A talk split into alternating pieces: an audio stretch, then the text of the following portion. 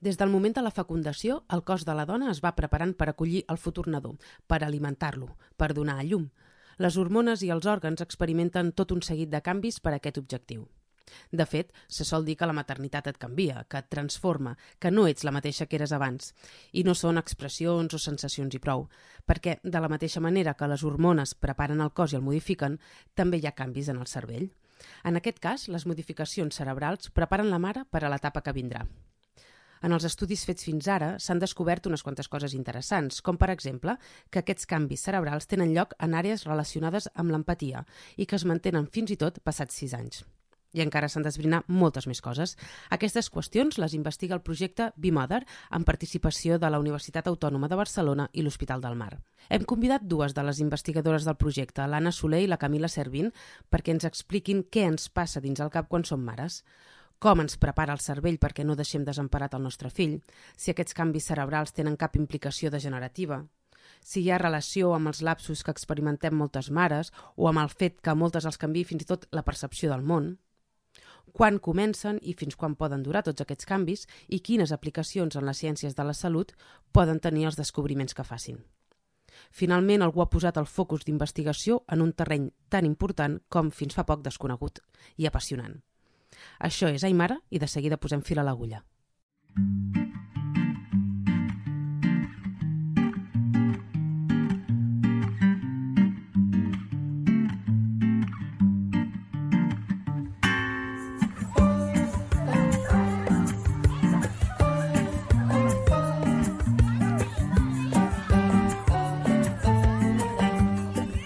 Ai Mare, el podcast sobre maternitats de VilaWeb, amb El Savalla.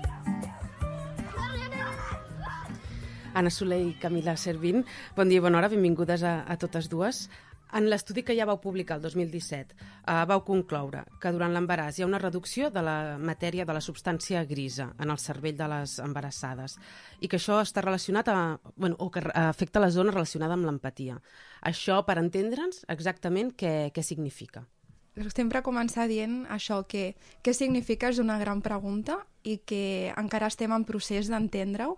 Eh, nosaltres, eh, com bé has dit, el que hem vist és que eh, durant l'embaràs les dones experimenten una reducció en el volum de substància grisa, de matèria grisa, eh, en regions associades amb l'empatia, amb l'altruisme.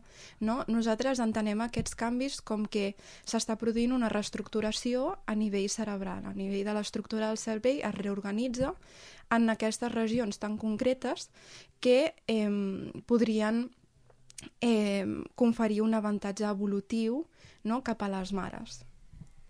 Sí, com bé ha dit la, la Camila, aquesta relació cerebral es tradueix en una especialització d'aquestes àrees cerebrals en les, en les dones embarassades que estan relacionades amb, amb l'empatia, amb la capacitat de d'expressar i entendre emocions complexes i amb habilitats com l'altruisme i això eh, es tradueix com el que entenem com l'instint maternal, no? aquesta capacitat especial que tenen les mares per entendre tot el que li passa al nadó en, en tot moment. Un exemple molt il·lustratiu seria entendre el, els, els plors, què vol dir el plor del nadó, no? El nadó perquè està plorant, perquè té gana o perquè o perquè està malalt. Per tant, això de l'instint maternal que sempre s'ha dit, una mica sí que, sí que existeix i té a veure amb això, que, amb sí. aquests canvis en el, en el cervell. Sí, exacte. I, i jo he llegit que, que, que mm, s'assemblen als, que, als canvis que ens passen durant l'adolescència. No? De fet, es parla de la matrescència. Sí, sí, aquest és un terme bastant nou no? mm. que s'està començant a utilitzar Eh, però sí, eh, és com dius, en estudis posteriors, en aquest primer estudi, eh, el que s'ha vist és que els canvis a nivell d'estructura, de, els canvis cerebrals que, que s'observen, són canvis que s'assemblen molt als canvis que succeeixen durant l'adolescència. I al final, si ho analitzem, en cert sentit, l'embaràs i l'adolescència són etapes vitals molt importants i que també tenen certes coses en comú. Amb dues són eh, etapes vitals en les quals hi ha uns canvis hormonals impressionants, no? I el que sí que se sap és que durant l'adolescència aquests canvis hormonals afecten a com eh, a la plasticitat del cervell, no? que el cervell canvi. Llavors, el fet de que nosaltres estiguem observant que els canvis que succeeixen durant l'embaràs són similars, són tan similars els que succeeixen durant l'adolescència, la, ens porta a pensar a que també les hormones tenen un joc molt, eh, no? un paper molt important en aquest canvi que nosaltres estem observant. I, I ara que parles de les hormones, um, què se'n sap fins ara? Perquè no sé si, si, si encara Clar. esteu estudiant això, sí. de la relació entre les hormones i, i aquests canvis. Clar, a veure, eh, és un camp eh, d'investigació que, que dona per molt i que no se sap massa. Llavors, hi han tantes coses per investigar encara que jo crec que el tema de les hormones, almenys en humans, és un tema pendent perquè sí que hi ha estudis que han recollit eh, mostres de, d'orina o de saliva per analitzar les hormones i associar-les a aquests canvis cerebrals, però generalment no hi ha una integració de la informació. Eh, en molts estudis, en, bueno, molts, els que hi ha fins ara dels canvis en el cervell durant l'embaràs i també sobretot durant el postpart, eh, els estudis se, sembren en, se centren en el que passa en el cervell, però encara jo crec que no hem arribat a aquesta integració de com, els, com les hormones poden estar afectant. Sí que hi ha un estudi bastant recent que es va publicar eh, a finals de l'any passat, que és dels primers que parla de que possiblement eh, l'estradiol, que és una hormona eh, esteroide, és un estrogen, que és una de les hormones més importants i que canvien més durant l'embaràs i que també eh, és molt important eh, durant el cicle menstrual, adolescència, eh, és una hormona, diguem, clau. No? Doncs Què els... fa aquesta hormona? Ui, té moltíssimes funcions. No eh, durant l'embaràs, clar, és molt difícil reduir-la com a una cosa. Sí que és veritat que, per exemple, eh, l'estradiol generalment va bastant a la part amb, amb la progesterona, que és una altra hormona que canvia molt durant l'embaràs i també és molt important durant el cicle menstrual. I diguem que van a, a la part perquè tenen eh, diguem que la progesterona el que fa, diguem que, per exemple, eh, els estrògens estan en part implicat en, en que es desencadeni el part, no? Per uh -huh. exemple, eh, durant l'embaràs la progesterona manté, manté, diguem, el que es diu com la, la quiescència de, de l'úter, no? I eh, prevé que es produeixin contraccions, que es desencadeni el part, mentre que eh, l'estradiol, per l'altra banda, és, diguem que ho promou, no? Llavors estan com durant l'embaràs en aquest equilibri eh, però clar, tenen moltíssimes mm. altres funcions.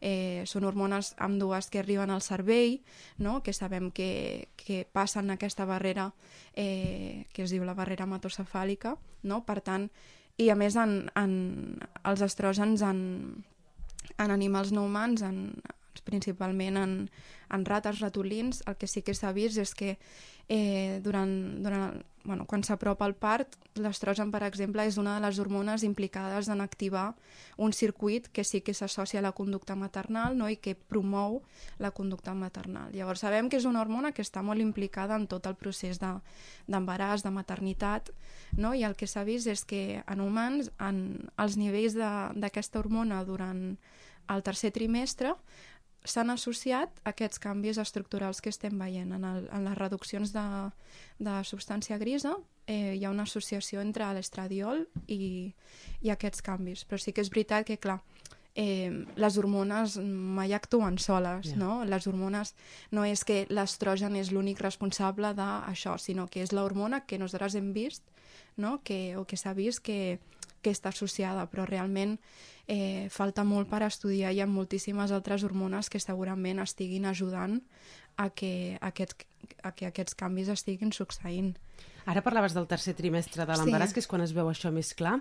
Um, Se sap quan comença a canviar el cervell um, d'una embarassada? És a dir, no, mm. no passa fins al tercer trimestre, passa ja abans. Passa fins i tot abans de quedar-se embarassada, quan ja s'ho comença a plantejar? Això uh, mm. esteu encara en fase d'estudiar-ho? Encara està en, en, en fase, en fase d'estudi. De fet, ara, amb el, amb, el, amb el nou estudi que estem fent ara recentment, el que volem veure és quan comencen a, a, a aquests canvis cerebrals i, i com van evolucionant al llarg de l'embaràs i si, i si en aquests canvis eh, fins quan es mantenen en, en el període postpart i per això fem un seguiment fins als 16 mesos postpart.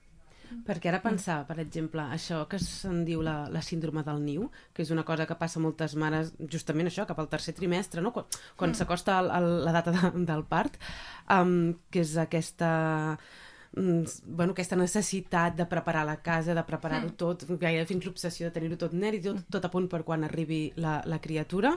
Um, té re, potser no té res a veure, però té res a veure, o se sap Mm. si té res a veure aquesta síndrome del niu amb, amb aquesta preparació que ara dèieu cerebral que, que tenim? Clar, eh, a veure, hem de... Sí, eh, tot el que és del computa, eh, comportament maternal eh, també és d'una altra com ca caja de Pandora, no? és, eh, al final eh, els humans són molt complexos i eh, comportament maternal s'ha estudiat principalment en altres espècies que potser tenen patrons de conducta molt més marcats. A nosaltres hi ha milers de factors que estan influenciant, no? societat, eh, nivell econòmic, hi ha moltes, molts altres factors que estan influenciant en com nosaltres ens comportem. Llavors, eh, aquest, eh, no sé com, com, com has dit que, que es diu? El... La síndrome del niu, síndrome no? del niu. Eh, bueno, no sé si és gaire científic sí, el sí. nom, però és com em diria que es coneix. Sí, eh, jo crec que aquest tipus de comportament és algo que s'ha descrit molt en animals i és algo que succeeix molt i que s'ha vist en humans. Eh, la forma en la que es descriu és, com bé has dit tu, no? són comportaments o actituds que s'associen a, a la preparació cap al part. No? Ja eh, tant a nivell de- d'espai, no? de tenir tot preparat eh, en quant a pues, això, habitacions, tot el que és una preparació espaial no? de, mm. per quan vingui el, el bebè i després hi ha també, diguem, eh, l'altra banda que seria més una preparació eh, a nivell social, no? És a dir, eh, tot el que tingui relació pues, a, amb quin entorn et mous, a quines persones prefereixes tenir a prop, si tens més aversió no? cap a pues, conèixer més gent, no? potser és un moment en el que estàs més focalitzat a tenir a prop mm. pues, a, realment a la gent eh, a la que estimes, no? a la família, parella, eh, amics, no? Eh, I el que sí que s'ha vist en, en un estudi que, aquest que s'ha publicat fa poc és que els canvis a nivell estructural en el cervell, no? aquests canvis o aquestes reduccions en, a, en el volum de substància grisa estan associades al, diguem, aquesta subpart de, dels comportaments més en, a nivell social, no? És a dir, estan associats doncs, a aquesta preferència cap a àmbits molt més tancats, molt més familiars, no? Aquesta, no? Eh, doncs això, aversió a ambients molt grans, molt, amb gent que no coneixes, no? El, tu el que vols és estar, sentir-te segura, no? Llavors el que hem vist és que hi ha aquesta, aquesta relació, però sempre pues, falta moltíssim no? per, per saber. I ara, tornant una mica a, a això, aquesta, mm, aquesta um, reducció grisa que dieu que té a veure amb, en el fons el que fa és el preparar la mare perquè atengui aquella criatura que al capdavall eh, depèn en bona part d'ella per, per sobreviure, no? Llavors, um, una cosa que també acostuma a passar molt, sobretot el primer any a les mares, que són aquests lapsus o aquesta sensació d'anar despistada, de- d'oblidar-te fins i tot de paraules mm, comuns. Um, això hi ha, hi ha alguna prova que, que tingui relació amb aquests canvis al cervell? Sí, això és, és una que ja s'ha ja estudiat bastant, que s'ha mirat, eh, s'ha avaluat el, el rendiment cognitiu en les dones embarassades per, per eh, veure si realment es produeix o té lloc un deteriorament cognitiu durant l'embaràs i, i fins ara no hi ha cap tipus d'evidència científica que digui que hi hagi una associació entre la reducció de la matèria de substància gris amb un deteriorament cognitiu. El que, el que re- nosaltres entenem per deteriorament, ai, per a reducció, reducció de substància gris, com hem dit abans, la- l'entenem com una reorganització i reestructuració cerebral per especialitzar i potenciar una, un grup d'habilitats. No? I en el cas de les masses, com hem comentat, el que potencia és les àrees eh, involucrades amb les habilitats socials. Llavors, clar, com explicaríem aquestes queixes subjectives que, que tenen, que tenen la, les embarassades, ja sigui durant l'embaràs o inclús en, en el període inicial del postpart? Doncs podria, eh, es, po- potser es podien explicar pel fet de que quan, per, a, per, la, per símptomes de, de fatiga, per uh, malestars que puguin tenir du, durant, durant l'embaràs, que sí que hi ha evidència que durant l'embaràs doncs, les, les dones embarassades poden, poden tenir molèsties, i també perquè hi ha evidència de que, de que el, el son empitjora al, al llarg de de l'embaràs i, i després hi ha el postpart per fet d'haver d'atendre les necessitats de la, constants de la criatura també el, el son de, la, de, la, de les embarassades, de les, dones, de les mares eh, també empitjori. Clar, tots aquests factors, més suma-li la focalització, que la, la, la seva atenció es, es centra exclusivament i que tot el món que li envolta és el seu, és el seu nadó, doncs això pot fer que, clar, que, que puguin tenir pues, una mica, es puguin anar una mica més despistades. Mm. Seria això. Val, per tant, mm. podem dir que, que pot ser lògic que passi això, Sí. però que no hi ha cap uh, base científica Clar, per no- dir no que, hi ha que, una, base- que hi ha una relació sí, entre una mm, cosa i l'altra. Exacte, Exacte. No, no, hi, no, hi ha cap, eh, no hi ha cap explicació biològica Mhm. sobre això, sinó és més con contextual. Mm, clar. Mhm. A més, hi ha múltiples realitats al final. És a dir, que hi hagi una evidència de que el cervell canvia no vol dir que aquests canvis en el cervell ho hagin d'explicar tot. Clar. No? Nosaltres estem veient canvis associats a regions de cognició social, no? pues a canvis a, associats a l'empatia, però que això no elimina que hi hagin altres coses que estiguin succeint i que s'expliquin per altres factors. No? És aquesta distinció que també una, una es pensa que pues, per trobar una cosa això és todo i Clar. ja està, no hi ha res més. No, hi ha moltes coses, hi ha moltes realitats que coexisteixen, hi ha molts canvis que coexisteixen i que poden tenir, eh, diguem, bases diferents. I entre les coses que se saben, per exemple, um, hi, ha una, hi ha una relació entre aquests canvis a, en el cervell i el vincle marenador? És a dir, el fet que com més hi hagi aquests canvis en, en la substància grisa, més vincle estableix la mare en el nadó? Sí, eh, en, en el primer estudi aquest que es va publicar, el, com, és, que va ser un estudi superpioner, Uh -huh. eh, el que es va veure és que els canvis eh, en el volum de substància grisa, aquests que estan associats a, a regions eh, que estan implicades en l'empatia, com, eh, cognició social, eh, tot això que ja hem estat dient, no? doncs aquests canvis eh, predeien una millor puntuació en qüestionaris que mesuren la qualitat del vincle entre la mare i el bebè. Eh, sempre són mesures indirectes, és a dir, al final és un qüestionari, eh, però sí que és un gran pas, no?, aquesta associació. Eh, llavors sí, eh, hem vist que hi ha eh, aquesta, aquesta relació, no? Eh, però bueno, eh, ara també amb, amb el nou projecte estem intentant anar com encara més enllà no?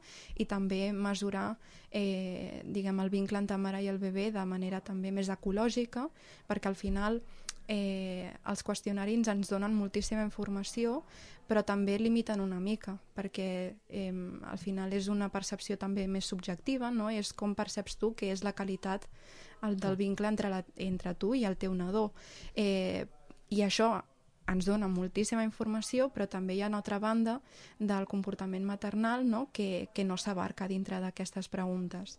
Llavors, eh, nosaltres amb el nou projecte estem intentant no? pues això, eh, intentar descriure eh, com afecten els canvis en el cervell de manera molt més àmplia, de manera eh, eh, més, més ecològica també. Quan no? dius més ecològica, què vols molt, dir? molt més ecològica vol dir, doncs, amb, diguem, amb, amb certs paradigmes, en certs eh, paradigmes experimentals que nosaltres diem que mesurin eh, el vincle maternal d'una manera que, que es podria donar a casa, no?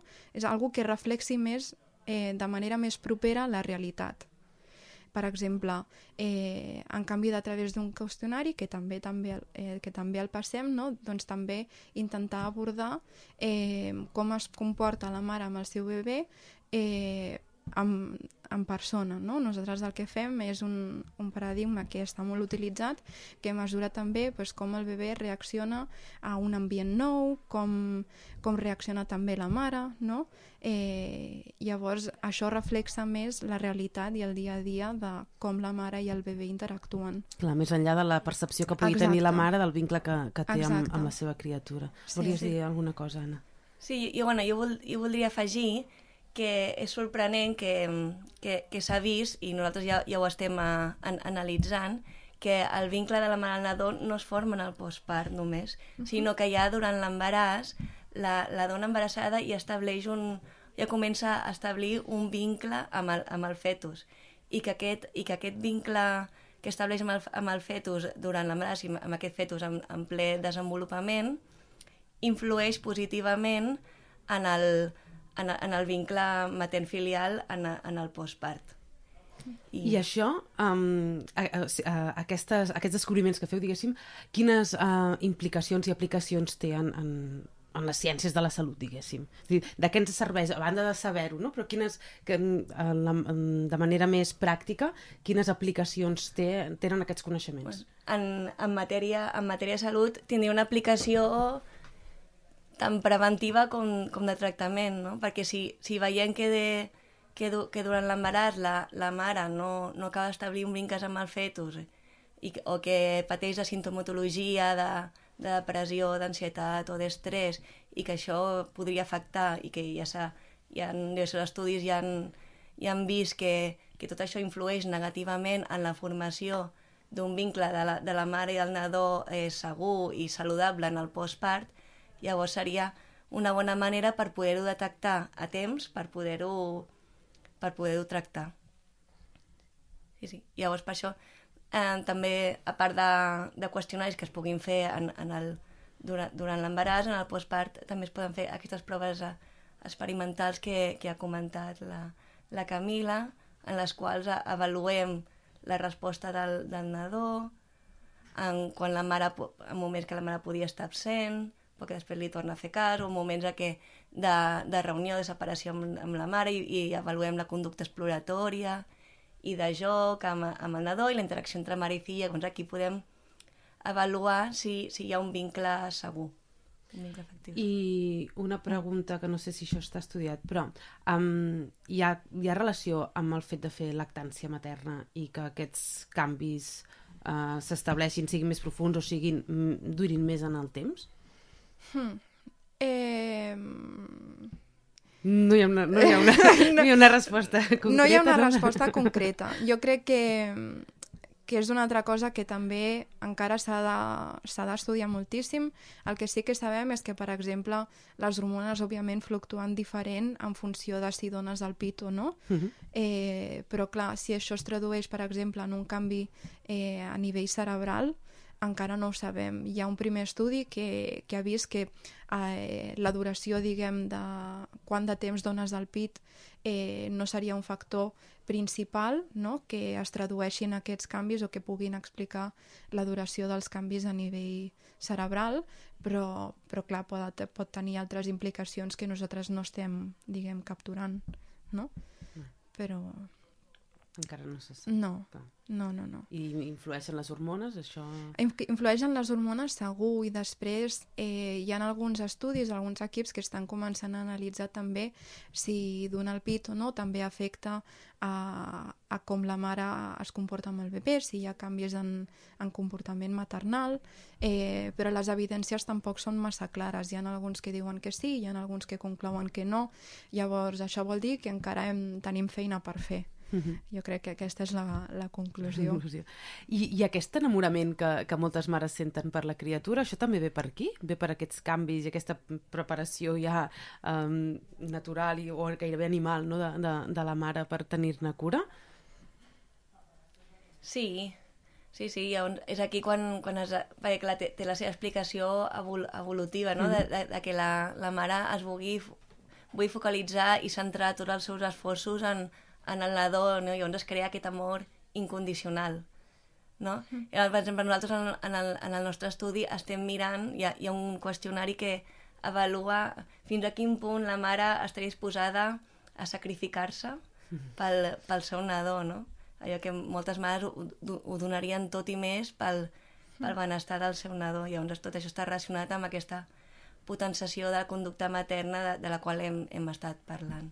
Llavors, ara que eh, feu referència als estudis que esteu fent, ja vau publicar eh, aquest, eh, aquest primer estudi fa, fa uns anys, ara us centreu a, a com ampliar-lo, entenc, no? A veure quins canvis més hi ha i també com, com duren més en el temps, perquè jo recordo que demanàveu voluntàries que encara no sabien eh, ni quedat embarassades. Per tant, entenc que busqueu com l'origen de, de on, on, en quin moment comencen els canvis Clar. i fins quan duren, no? Què, què més voleu, voleu esbrinar amb aquesta nova fase de, dels estudis del mm. projecte? A veure, primer de tot, eh, com bé has dit, és una mica eh, ampliar-ho tot, no? Eh, tenir com... Eh, anar més enllà llavors la primera pregunta és quan comencen aquests canvis, perquè eh, el primer que, que s'ha vist és que sí, hi ha canvis si compares abans de l'embaràs i després de l'embaràs, però el que no sabem és si aquests canvis comencen el primer, el primer trimestre, el segon trimestre, si es desencadenen en el moment del part, eh, o si bé es donen just després del part. Això encara no ho sabem. Llavors, una de les principals preguntes és saber quan comencen aquests canvis, no? I, i sí que és veritat que també quan duren en el temps. Això és una pregunta que potser sí que tenim una mica més encaminada, no? perquè sí que sabem que són canvis duraders i que a més a més duren fins a sis anys. Eh, però tot el que passa abans, no? quan comencen, això és una pregunta que encara hem de contestar. Llavors, amb aquest nou projecte, eh, aquest és un dels punts claus de, del nou estudi. Per una altra banda, també volem saber eh, i com ja hem comentat abans, quin és el paper que juguen les hormones en aquests canvis, perquè al final eh, hi ha molts factors que poden estar explicant aquests canvis, però nosaltres encara no els sabem. Eh, nosaltres hipotetitzem no? i nosaltres creiem que les hormones tenen un paper clau perquè també se sap eh, en altres estudis amb, amb animals no humans, no? esperaríem que potser hi hagi com una correspondència que eh, entre el que passa, en, per exemple, en, en altres animals i el que també succeeix en humans, però clar, és algo que no sabem. Llavors nosaltres volem veure també eh, quines, no només si les hormones eh, juguen un paper clau, sinó quines hormones hi estan implicades o si és eh, el conjunt d'hormones eh, que afecta eh, i també en quin moment no, eh, entren i són més claus perquè també eh, diguem que, que les hormones tampoc són tot, segur. Mm. És a dir, l'experiència com a mare també afecta.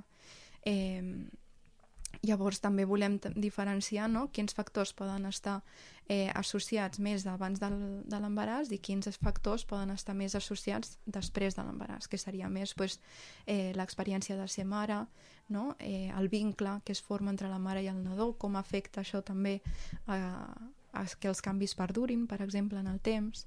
Aquests són dos dels nostres objectius.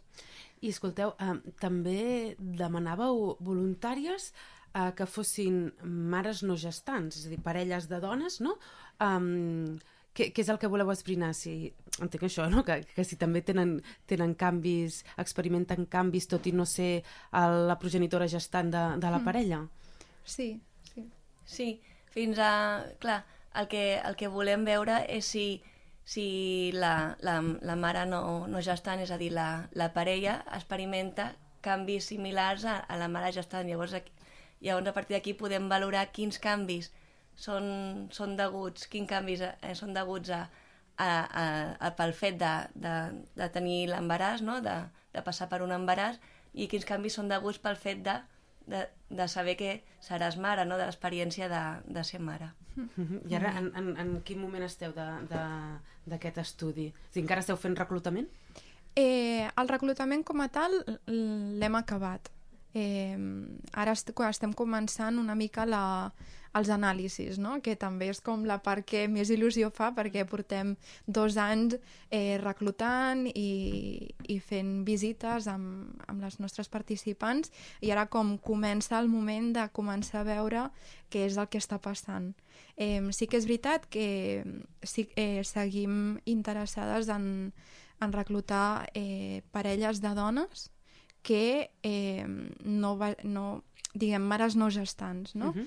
eh, perquè és, és, és un, un dels nostres objectius també clars, com, claus, com ha dit l'Anna, perquè al final no només volem caracteritzar eh, què és, quins són els canvis en un tipus de maternitat, sinó que volem obrir una mica l'espectre i anar una mica més enllà i saber també eh, quins canvis succeeixen en, en altres tipus de maternitats, en mares no gestants, i llavors eh, encara, encara estem buscant eh, parelles de, de dones mm -hmm. que, que la seva parella, com per dir-ho, passarà pel seu primer embaràs. Molt bé.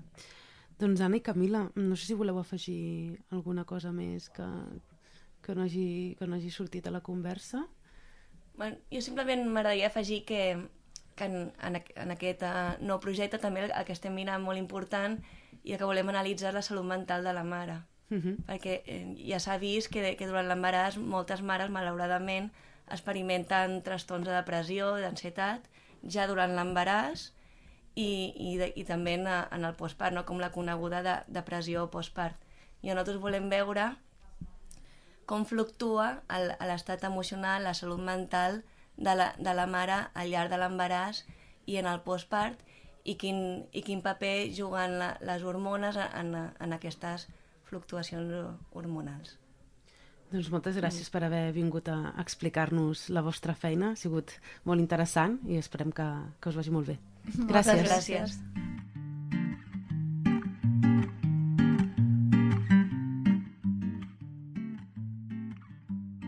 Heu escoltat Ai Mare, el podcast de VilaWeb sobre maternitats, conduït per Bel Savalla, amb Carles Garcia a la part tècnica i a les veus Carla González.